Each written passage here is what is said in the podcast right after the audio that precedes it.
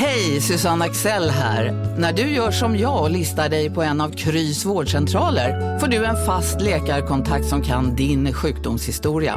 Du får träffa erfarna specialister, tillgång till lättakuten och så kan du chatta med vårdpersonalen.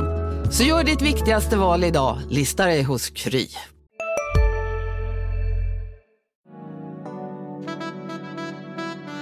Du lyssnar på en podd från Närkes Allehanda.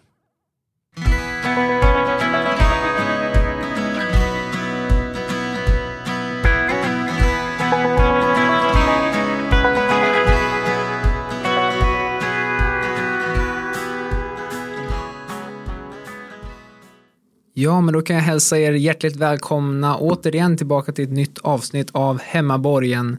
Och för er som har saknat honom när jag och Erik Karlsson har ja, hållit lite stuga här så är han nu äntligen tillbaka med skön röst och fint skägg. Fredrik Karlsson har återvänt från semestern. Hur känns det att vara tillbaka? Man tackar, man tackar. Det känns bra faktiskt. Eh, jag kom ju snabbt in i det och eh, kom direkt egentligen från semestern till, till Trelleborgsmatchen. Så, så ja, men eh, det har varit skönt med några veckors semester. För de som, de som har följt dig, eller ja, de andra borde ju följa dig såklart, men de som har följt dig på sociala medier har ju sett att du har hängt med diverse celebriteter under, under dina lediga dagar som inte är Thomas Nordahl. Nej, all heder till Thomas Nordahl, men det här är ett eh, snäpp uppåt kan man säga. Berätta lite, vad, vem är du stött på och framförallt kanske hur har du stött på honom? Jag har stött på och träffat Michael Jordan. Det, det, det, alltså all, som du sa, all heder till Thomas och så, men det är, lite, det är en hylla upp. Det är en hylla upp, precis. Eh, nu kanske Thomas Nordahl är lite mer lättillgänglig än, eh, än Michael Jordan. Men eh, ska jag berätta? Ja, men berätta lite. För ja. det, det, finns ju en liten story om hur du stötte på honom också. Exakt, exakt. Det är lite så här eh, skolboksexempel från, från paparazzi-skolan.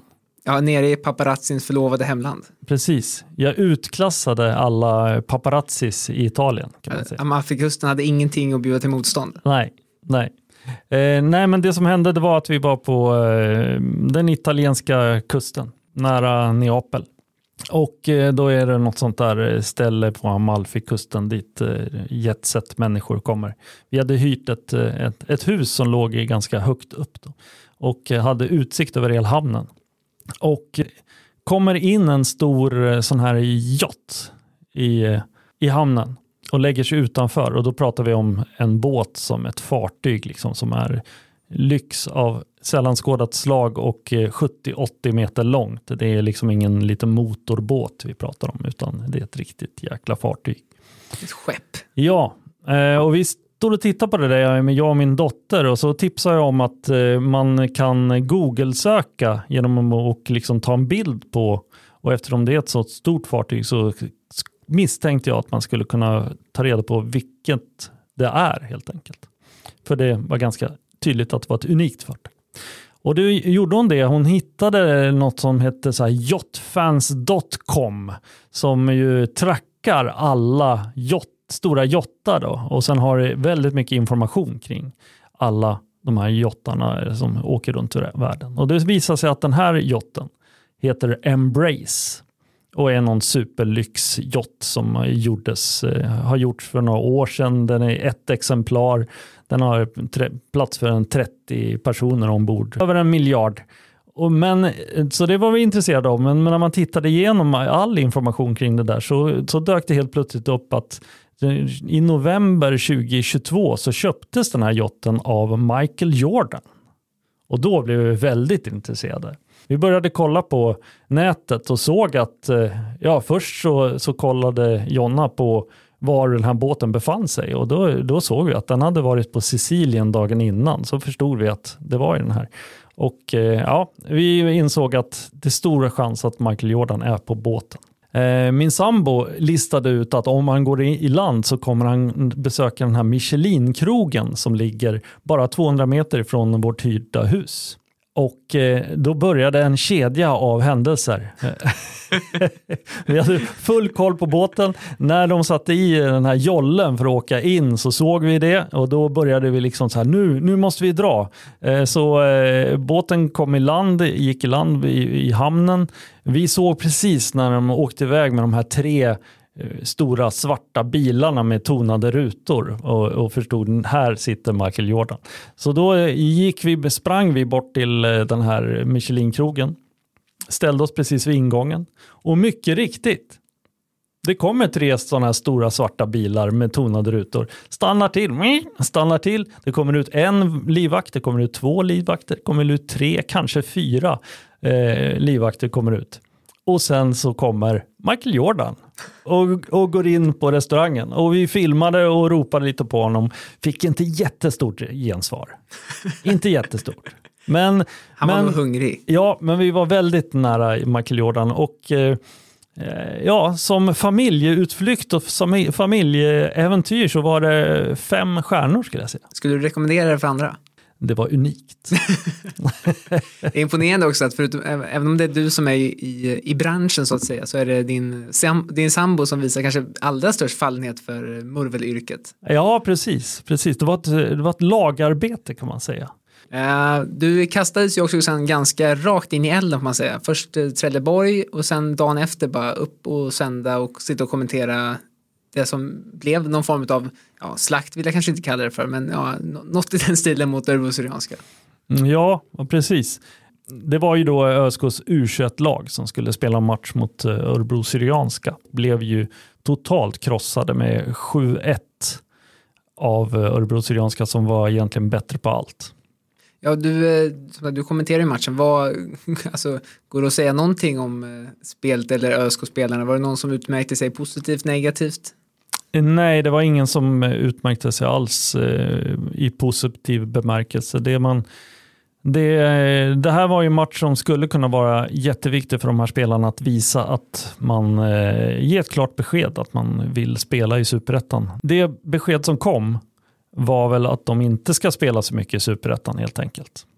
Och det var väl de spelarna som inte fick så mycket speltid mot Trelleborg som fick, det kanske du nämnde, men ja, fick speltid i den här matchen. Precis, det var Sebastian Krona, Jake Larsson, eh, det var Johannes Dan och Daniel Björnqvist, eh, det var ja, någon, någon till, Ludvig Niklasson, eh, Ammar Jevlan. Så det var väl totalt åtta spelare tror jag och eh, det var ändå ett tusental eh, minuter i superettan som, som fanns på plats. ÖSK startade med eh, återigen då, åtta spelare från A-truppen så det borde kanske inte ha blivit den här totalkvadden som det blev. Men det blev det och eh, det visar väl på att ÖSKs trupp är väldigt tunn. Det finns inte jättemycket kvalitet bakom. Eh, det är klart att alla de här spelarna som spelar kan ju spela i superettan, men eh, det visar ändå på någonting att, att det är en, en tunn trupp. Jag pratade med Christian Gärder alldeles nyss på, på torsdagens träning då. Och han var väldigt sådär, det var, eh, jag vet inte, det, jag tyckte att det fanns en del att läsa mellan raderna när han säger att eh, det här var en viktig lärdom för hela klubben. Eh, att man ser nivån på spelarna typ bakom startelvan, vilken nivå de håller och vilken nivå och hur stort kliv det är mellan att spela akademifotboll och spela i superettan. Det var, tyckte jag var intressant att han, att han påpekade så tydligt. Vad tror du om, man, om, om du får spekulera lite själv också kring just det ämnet, vad tror du, vad tror du mer man kan läsa ut av de liksom, citaten? Ja, jag tror att man kan läsa ut att han säkert möts ganska ofta av att människor runt klubben, kanske i klubben, som vill att man ska spela unga spelare. Det, det är vad jag läser ut, men nu leker jag ju lite tankeläsare här, så det ska man väl ha lite respekt för, eh, lite distans till. Men, men det är i alla fall vad jag läser in i det. Ja, för i den här matchen så ställdes de ju också mot just tid, en hel del tidigare akademispelare från ÖSK som nu har flera års seniorerfarenhet i, mm. i bagaget. Mm. Och man ser också vad det kan göra med sådana spelare. Att det, det, är de som in, de, det är ju de här som inte riktigt lyckades stå sig fram i ÖSK när det var deras tur, men som nu har utvecklats till, till eh, betydligt bättre spelare. Så att säga. Ja, precis. Och sen sådana spelare, det var ju riktiga seniorspelare som är toppklass i eh, norra ettan då, som Josef Ibrahim och andra rutinerade spelare. Ja, vi kan komma in på det, för du, du och jag har ju pratat för några veckor sedan tror jag på redaktionen om att eh, nu för tiden så ser man, det känns ganska ovanligt, nu plockade ÖSK och Hamse Shakaxle från BK Forward, men i övrigt så har det känts ganska långt borta från att ÖSK ska plocka spelare från närområdet, från lokalklubbarna precis bakom. Nu är ju Brosianska ganska tydligt tvåa i stan sedan ja, ett, två år tillbaka. Eh, vilka spelare i Brosianska, som, om man leker lite med tanken, skulle kunna sätta färg i ett ÖSK idag? Liksom? Mm. Ja, den tanken är ju mer och mer relevant med tanke på att eh, det skiljer bara en division mellan lagen. Det är ju 16 lag ner, som, ja 14 blir det väl någonstans, så, så träffar man ju på Örebro Syrianska i seriepyramiden. Så eh, Örebro Syrianska är, är ju väldigt nära ÖSK nu. Eftersom de är så nära också så så är det ju inte heller en självklarhet att eh, ÖSK skulle kunna gå in och, och, valsa in där och hämta massa spelare. Men om man ändå ska leka med den tanken så, så skulle jag fortfarande då, eh, det har ju varit en favorit under många år, eh, det vore ju läckert att se Josef Ibrahim på en högre nivå. Det är ju så, alltså på division 2 nivå gör ju Josef Ibrahim precis vad han vill. Han kan ju göra så 40 mål på en säsong där. Eh, han, eh, på division 1 nivå så får han ju mera motstånd. Den här matchen visade ju att han ändå gör ju stort sett vad han vill med, med spelare från ÖSKs A-trupp när de inte har uppbackning av de allra bästa. Så eh, det vore, jag tror inte att det är så troligt förstås, men Josef Ibrahim i superettan en gång till med lösa tyglar skulle vara spännande att se. Ja, visst var han han var iväg på Åland va? och tog eh, det här historiska finska ligaguldet med IFK Mariehamn va? Exakt, han är finsk ligamästare och har ju spelat i ÖSK i allsvenskan och, och eh, även Degerfors i superettan. Men eh, det är en speciell spelare som behöver ju, det är därför jag säger fria tyglar. I Degerfors senaste gången så, så spelar han ju honom som en, en traditionell vänsterkantspelare och där han skulle stå och vänta på bollen där ute. Det är ju inte riktigt Josef Ibrahim, han blir ju uttråkad direkt. Så eh, Nej, men han var eh, fin att se mot ÖSK. Han var påslagen den här, den här lite sömniga vardagskvällen. Eh, påslagen, irriterad, puttade på lite folk och eh, var eh, väldigt bra. Ja, man, om man plockar Josef Ibrahim så får man hela paketet Josef Ibrahim, mm, mm. vilket oftast är väldigt härligt. Mm. Uh, om jag ska lyfta någon egen som jag har sett, jag har sett en del av Bruce Jönskram de senaste två, tre åren. Uh, och någon jag tycker är intressant är ju deras, vi spelade han nu också, den här, deras stora fysiska mittback Amadou Kalabane. Ja, han spelade centralt i mitt, i mitt försvar. För han är ju, dels har han ju de fysiska attributen, han är ju väldigt lång, han är väldigt stark, eh, stark bra och duktig i närkampen och sådär och spelar ju eh, centralt i deras trebackslinje. Eh, och Syrianska har gjort det väldigt bra rent defensivt i år i ettan. De ligger ju ligger väl precis ovanför det negativa kvalstrecket tror jag. Men har bara släppt in 19 mål vilket är betydligt bättre än, än lagen runt omkring sig. Så det tycker jag, har jag sett som en spelare som skulle vara intressant att se på en något högre nivå. Mm. Eh, och speciellt i dessa dagar som sagt, eh, vi kommer in på det lite nu för att i övrigt var det inte så mycket vi ska älta från Trelleborgsmatchen men det vi har att ta med oss är ju skadan på Nasir Moro. Eh, du pratade ju med honom precis, han ju få några ord med honom precis efteråt. Vad, kan du berätta lite om hur det, hur det var? Ja, jag träffade honom precis i spelargången efter matchen och då berättade att han var, att han var på väg till sjukhuset då och citatet var väl My shoulder is broken, sa han. Och det visas ju lite drygt ett dygn senare då att han hade brutit nyckelbenet och då spelats väl en 20 minuter med brutet nyckelben, vilket väl är en, en tveksam men eh, en, någon sorts, sorts bedrift ändå. Ja, det var lite kul för man såg ju att eh, han, han la sig ner, eller ramlade precis framför bänken egentligen. Mm. Och, och den som var först fram, jag vet inte ens, nu, domaren hade väl säkert blåst, men den som var först fram var ju Christian Järdler och kollade till honom. Eh, du har ju även pratat med honom idag. Vad, kan du berätta lite om vad han, vad han sa till Mora när han låg där? Han sa att han hade lite dåligt samvete för han hade tydligen sagt åt Nasiro där han låg då, helt omedveten om att eh, det var en fraktur, så sa, sa Christian Järdler You don't leave this pitch. hade, hade han sagt. Och jag påpekar för Järdler att det, det är tveksamt chefskap faktiskt att eh, tvinga sina anställda att, eh, att jobba vidare trots att man är totalt trasig. Det hade varit intressant om vår chef Pierre kom in en dag och sa åt dig att uh, you don't leave this office om du satt där med tio brutna fingrar och försökte knappra på tangenterna. Det hade varit tveksamt. Ja. men, men Mora hade tydligen i pausen med brutet nyckelben eh, pratat om att han kunde spela vidare om de tejpade hans axel. Så Ja, han, han, är ingen som ger sig i första taget, så, så kan man väl konstatera. Nej, det får man verkligen säga. Men eh, om man ska ta det här till en seriös punkt för en sekund också så är det ju såklart ett, ett enormt dråpslag för ÖSK att bli av med Nasumor vi vet ju inte än precis hur länge men den första prognosen som vi har fått har väl varit ändå relativt ö, lite överraskande positivt.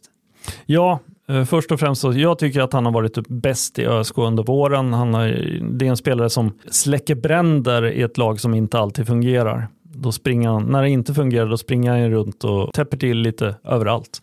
Eh, man vet alltid att man har i stort sett den snabbaste på planen och en av de starkaste. Och nu får man klara sig utan honom helt enkelt. Eh, men enligt vad jag hör då, vad ÖSK säger, så ligger ändå frakturen bra och att det kommer bara ta några veckor. Det är ett par veckor har jag hört först, men det låter överdrivet positivt. Men möjligtvis, eh, låt oss säga en månad då, att han är tillbaka i spel. Att man kan hoppas på det.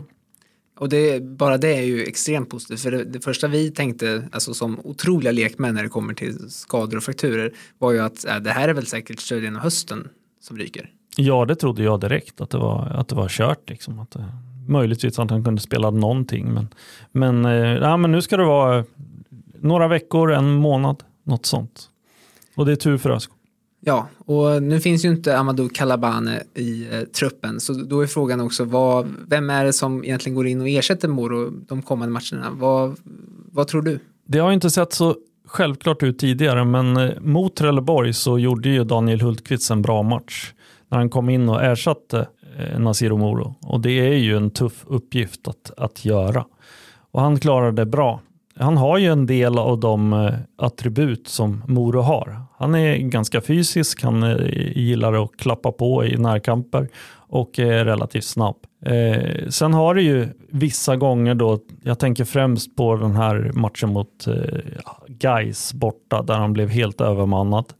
Eh, det var ju inte alls bara han som var dålig i den matchen, det var hela laget. Eh, så det naturliga valet är väl Daniel Hultqvist och så ser det ut också på träningarna då förstås. Bakom det så finns ju Sebastian Krona som har ju mest spelat mittback för Jönköping Södra de senaste åren eh, och då också centralt i en trebackslinje. Men det är ju en väldigt, om man säger att Daniel Hultqvist har några attribut som, som Nasir Moro har, så har ju Sebastian Krona väldigt få av dem. Där handlar det ju mer om smartness och, och och positionssäkerhet möjligtvis då och en ganska bra passningsfot som man får. Man får en helt annan sak jämfört med, eh, med Nasir Moro. Ja, jag, jag, skulle också säga Daniel Hultqvist i den frågan och jag kan väl, precis som du så uppfattade jag också honom som betydligt bättre när han kom in och, och eh, täckte upp för Moro mot Trelleborg nu än exempelvis den Gais-matchen. Eh, och jag vet att ni som lyssnar på den här podden förmodligen är väldigt trötta på män som sitter i fotbollspoddar och pratar Premier League och drar Premier League-anekdoter med jämna, men jag tänker dra en i alla fall. Vi är specialister på det vi gör, precis som du. Därför försäkrar vi på Swedea bara småföretag, som ditt. För oss är små företag alltid större än stora och vår företagsförsäkring anpassar sig helt efter firmans förutsättningar. Gå in på swedea.se företag och jämför själv.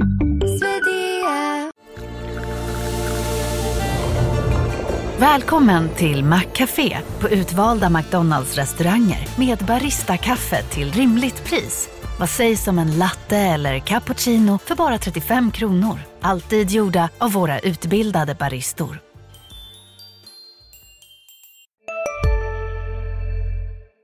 För att eh, jag kollar väldigt mycket på Liverpool i engelska högsta ligan och det man har sett där de senaste åren är att när pressspelet framåt inte fungerar utan det havererar då ser alltid försvararna extremt utelämnade ut och de kan egentligen inte göra så mycket utan det kommer våg efter våg med motståndarspelare mot en ganska utelämnad backlinje. Och lite samma tycker jag det har varit med ÖSK. Man ser till den guys matchen när Daniel Hultqvist exempelvis såg väldigt dålig ut. Eh, så var det också för att hela laget havererade och det pressspelet framåt fungerade inte och det gjorde att hela ÖSKs backlinje blev utelämnade och därav också såg väldigt eh, dåliga ut. Eh, mot Trelleborg å andra sidan var ett tydligt exempel på när pressspelet verkligen fungerar framåt och det verkligen biter och de får fast bollen. Och då kunde även försvararna göra det de skulle och se bra ut och fungera. Så att i ett ÖSK-lag där pressen fungerar bättre framåt och så mer som det gjorde som, Trelleborg, som mot Trelleborg så tror jag absolut att Daniel Hultqvist kan vara ett, ett fullgott, eh, ja, full, det är såklart ett byte ner från Nasir Mår men ändå gå in och eh, täcka upp på den positionen. Men såklart, skulle presspel framåt ut som mot Gais och tidigare i säsongen, ja då, då kommer försvarsspelet följa på, på samma våg så att säga. Mm. Ja, precis. Och eh, det är också min, min eh, syn på det att att individerna på individnivå börjar bli svårare och svårare att påverka fotbollsmatcher. Eh, det är svårt att liksom värva en spelare och skicka in i ett dåligt lag. Det, då blir den, den bra spelaren blir en dålig spelare ganska snabbt på grund av att man påverkas så mycket av kollektivet. Så jag tror att du har, har rätt i det. Mm, alla spelarna nu är väldigt beroende av att kollektivet fungerar. Sen har vi också bra spelare som går upp på en högre nivå och eh, får se, det är lite som att kasta dem till den djupa sidan av bassängen. Man får se om de flyter eller inte, om de klarar sig eller inte. Eh, för ÖSK har ju även tappat eh, Noel Milleskog den senaste tiden och han har ju numera hunnit landa i Stockholm och hunnit göra lite träningar och även debut här i toppmatchen mot Malmö senast. Vad, du, du, jag vet att du inte såg matchen live men du kollade lite i efterhand. Vad, vad har du för ja. intryck från det? Ja, men mitt intryck och många, vad jag hör många Djurgårdssupportrar är ju väldigt positivt. Eh, Noel Milleskog gjorde ett väldigt fint inhopp. Kom in och jobbade kopiöst. Han visade lite attityd. Han hamnade i gräl med någon, någon Malmö-spelare där ute på kanten och eh, hjälpte till att trycka ner eh, Malmös eh, backlinje väldigt mycket och eh, det var väl DIF-poddens tror jag, där han blev väldigt hyllad under flera minuter där de eh, var positivt överraskade av en, ett nyförvärv som de trodde handlade om eh, lite framtid men eh, blev, var frälsta och eh, tänkte att det här kommer bli bra redan i år. Eh, det är väl, Kim och Tolle gillar ju sådana forwards som kan göra ett hårt jobb så jag tror att eh, Milleskog allra minst kommer vara en viktig inhoppare för Djurgården redan i år. Ja, vi får se vart det tar vägen för honom där såklart. Den som, en som har haft den rollen tidigare och som numera återfinns i ÖSK är ju Kalle Holmberg. Och vi, vi fick ju se honom han gjorde väl sin första match mot Öster mm. och eh, fick sedan starta och göra, gjorde, spelade hela matchen mot Trelleborg också. Och eh, en notabel sak efter den matchen som du letade upp var ju att han alltså inte hade en enda bollberöring i eh, straffområdet. Och det finns lite växlar, att, lite farhågor att ha efter de siffrorna. Vad, vad kan du säga om det? Ja, enligt Y-scout då, jag kan inte garantera att det är sant, men, men eh, enligt Y-scout eh, statistiktjänsten så hade han alltså inte en enda touch i straffområdet. Och det blir man ju lite, man blir lite ängslig för att eh, Noel Milleskog hade ju ibland svårt att komma in i ÖSKs spel. Eh, Erik Björndals hela ÖSK-karriär präglas ju av att han blev svältfödd inne i boxen och aldrig fick några bollar.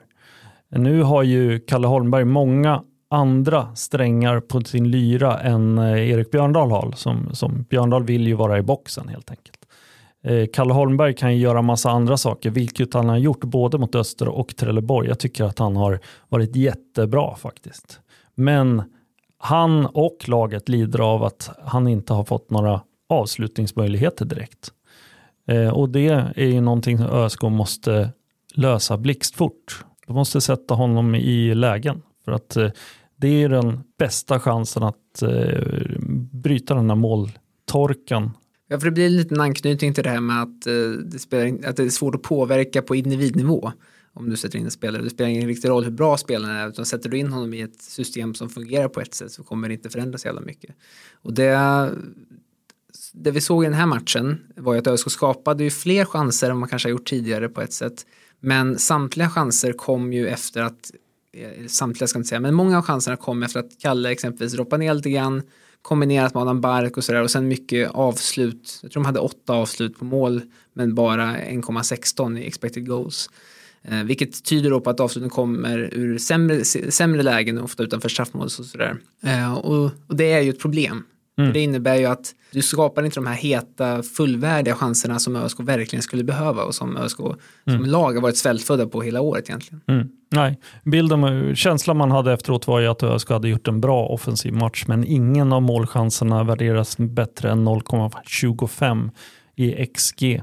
Och Kalle Holmberg, då, den tilltänkte skyttekungen, hade noll. Och, och, det kan man ju väga mot Trelleborg som egentligen inte hade några chanser alls fram till ja, var det 80 minuten ja. hade de i stort sett noll i målchanser men sen jobbade upp till ungefär, vad var det, 0,79 eller något sånt. Ja, och hade bara tre avslut under matchen, ja. på mål under matchen. Mm. Uh, så att de lyckades å sin sida uh, skapa betydligt hetare chanser på väldigt kort tid mot vad jag gjorde under hela sitt, sin period av övertag mm. 80 minuter innan. Ja, det blev ju en tio minuters period på slutet där ÖSK kanske inte vågade eller inte orkade hålla emot utan hamnade på egen planhalva mycket och det, det, där skapar ju Trelleborg en del målchanser. Ja, och det här är ju knivar som behöver vässas och, helst redan till på lördag. För att eh, det, det som väntar då är något av, ja, kanske säsongens stora ödesmatch så här långt. Exakt, då möter man alltså GIF Sundsvall uppe i Medelpad. GIFarna ligger ju på rätt sida det negativa kvalstrecket. En poängs marginal ner till ÖSK. ÖSK har också en poängs marginal ner, marginal ner till AFC då, som ligger näst jumbo. AFC vann senast och kan ju mycket väl vinna igen och då ja, det skulle inte se snyggt ut för ÖSK om man ligger näst sist i superettan. Eh, men däremot om man vinner så är ju serien så jämn då att man kan ta ett litet kliv uppåt. Förlorar man så eh, tappar man iväg eh, GIF Sundsvall. Man såg ju det i helgen också att, att Helsingborg helt plötsligt är flera placeringar ovanför ÖSK efter ett par seg två segrar i rad. Så det gäller att treorna börjar komma in nu.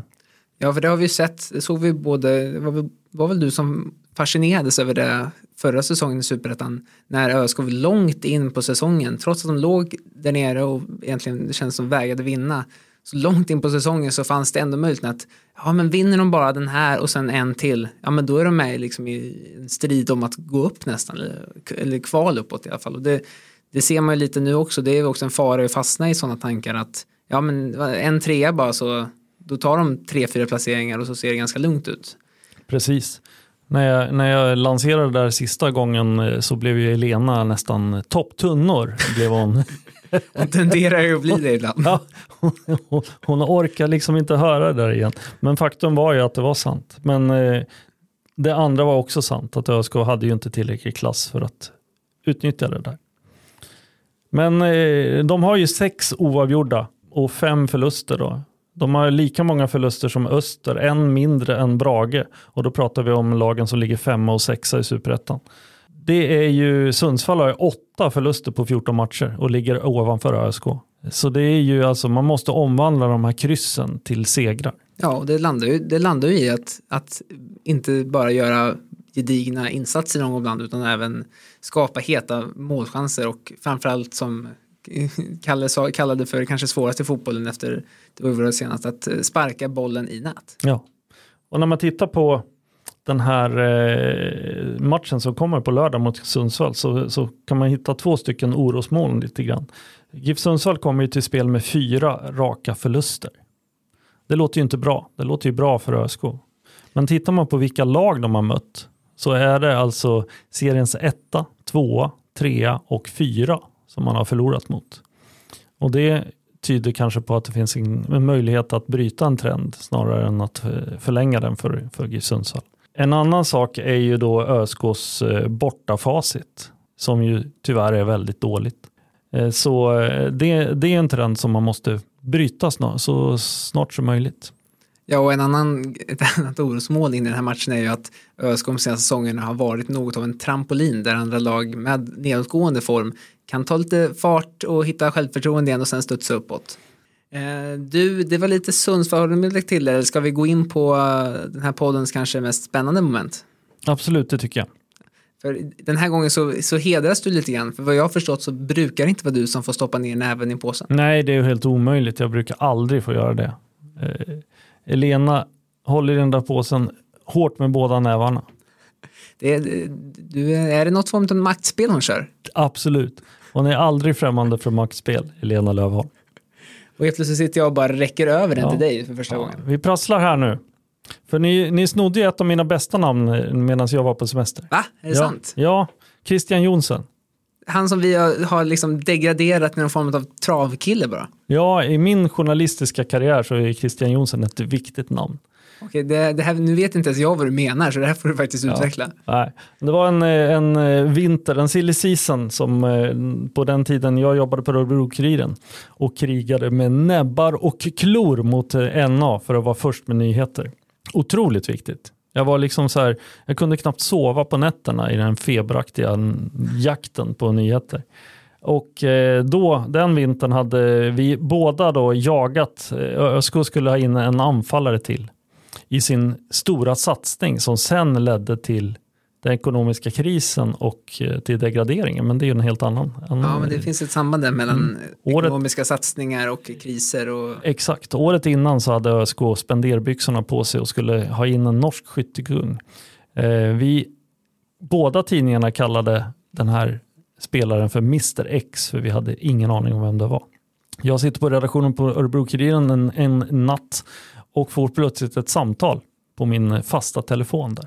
En norrman svarar när jag lyfter på luren och säger egentligen bara att eh, vet ni att eh, ÖSK håller på att värva norrmannen Christian Jonsson från Raufoss. Och jag blev så paff så att jag sa knappt tack eller frågade någonting utan bara la på. Men, men morgondagens tidning var top notch med eh, en, en bild på denne Christian Jonsson med tröjan över huvudet som man inte såg vem det var. Och sen hade jag rubriken så här, det här är Mr X. Så det, det tyckte jag var mycket bra ja, det, Men sen blev ju hans ÖSK-karriär, precis som ni sa, väldigt misslyckad. Han hade ju ett hälproblem då som han skyllde på, på konstgräset och eh, var tvungen att lägga av med fotbollen efteråt. han är varken första eller sista som har skyllt, eh, ska det bli med rätta eller inte på Nej. konstgräset. Extremt fysisk spelare och sån där elaking verkligen. Han gjorde ju något kort inhopp på La Manga under träningsläget och höll på att bunta ihop det till en hel försvarslinje där som man verkligen, man verkligen, det här kommer bli kul. Eh, Sen blev det ingenting. Det var Nej, synd. det var så. Har du kvar den där, eh, den där första sidan? Absolut, absolut. Den måste jag få se någon gång. Ja, absolut. Vem har du hittat i påsen? Jag har dragit Per Johansson. Per Johansson. Mm. Jag känner lite att, eh, även om jag har en liten, jag tror jag har en liten anekdot på honom, men du, jag känner ändå att du får inleda. Ja, Per Johansson är ju då eh, född 1989. Gjorde ju väldigt, väldigt tidig eh, debut i seniorfotboll, säkert som 15-åring tror jag, för Karlslund. Eh, såg som ett jättestort framtidslust. En, en, eh, en allsidig försvarare, defensiv mittfältare som blev värvad av Djurgården, en av de här talangerna från Örebro som gick förbi ÖSK, ut- gick upp till allsvenskan utan att passera ÖSK. Eh, han kom ju sen tillbaka. Eh, från, det blev ju ingen riktig succé i Djurgården. Som ju var extremt bra på den här tiden. Ja, när han gjorde, fick bara göra totalt fem matcher över två säsonger i, i seniortruppen i alla fall. Ja, precis. Djurgården var ju väldigt bra. Eh, han kom tillbaka på lån först och sen, eh, jag tror han var tillbaka i forward också på lån. Ja, det var nog innan, Ja. ja. Och sen så eh, kom han på lån till ÖSK och sen så blev han ju en del av Sixten Boströms eh, lag. Och blev väl en, eh, ja, spelade en hel del men var väl inte sådär alltid från start. Nej, gjorde en, eh, han hade ja, 12 matcher en säsong, 13 en, 10 en, 13 en sådär. Mm, Han låg och skvalpade lite grann. Gjorde, Nej. gjorde, spelade i båda Europa League-kvalmatcherna. Jaha, mot. Sarajevo. Ja, Mm, över ja. 67 minuter på två möten. Ja, han, han spelar säkert kanske lite ytterback någon gång också.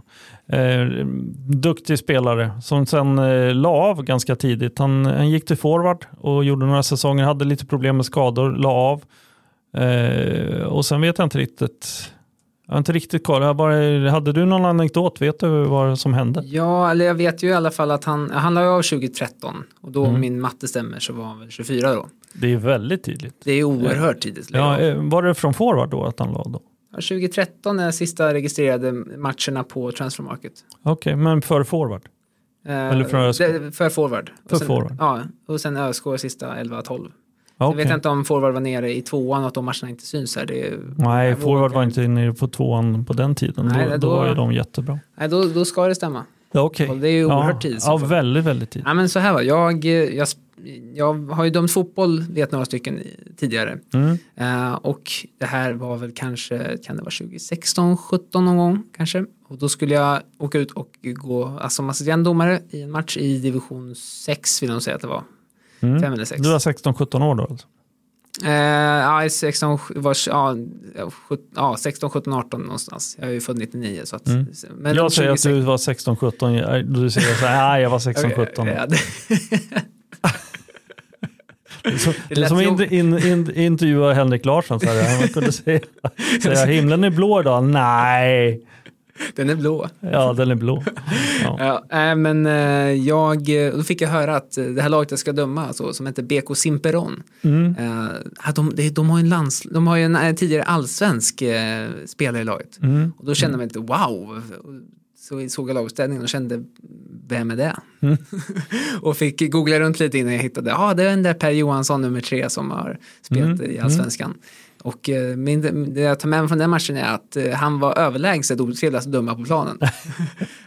det, det, han, det, det märktes i hans kroppsspråk och hans snack med både domare och motståndare att eh, han hade spelat på en högre nivå. Ja, okej. Det var inte samma liksom, gubbighet som man annars finner i Bobby BK och sådana lag som ligger i de divisionerna. Ja, ja.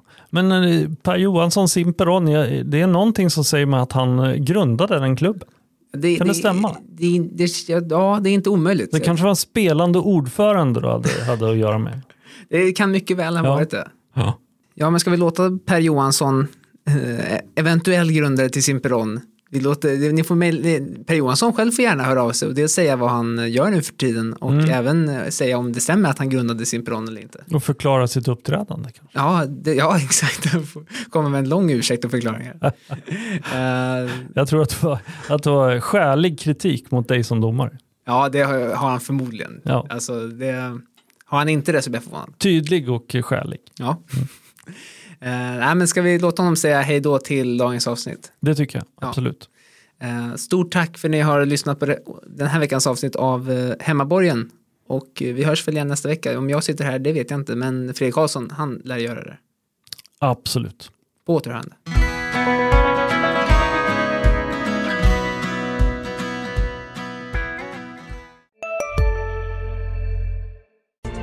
Kurrar i magen och du behöver få i dig något snabbt? Då har vi en Donken deal för dig. En chicken burger med McFeast-sås och krispig sallad för bara 15 spänn. Varmt välkommen till McDonalds. Ni är med om det största. Och det största är den minsta. Ni minns de första ögonblicken. Och den där blicken gör er starkare. Så starka att ni är ömtåliga. Men hittar trygghet i Sveriges populäraste barnförsäkring. Trygg Hansa. Trygghet för livet.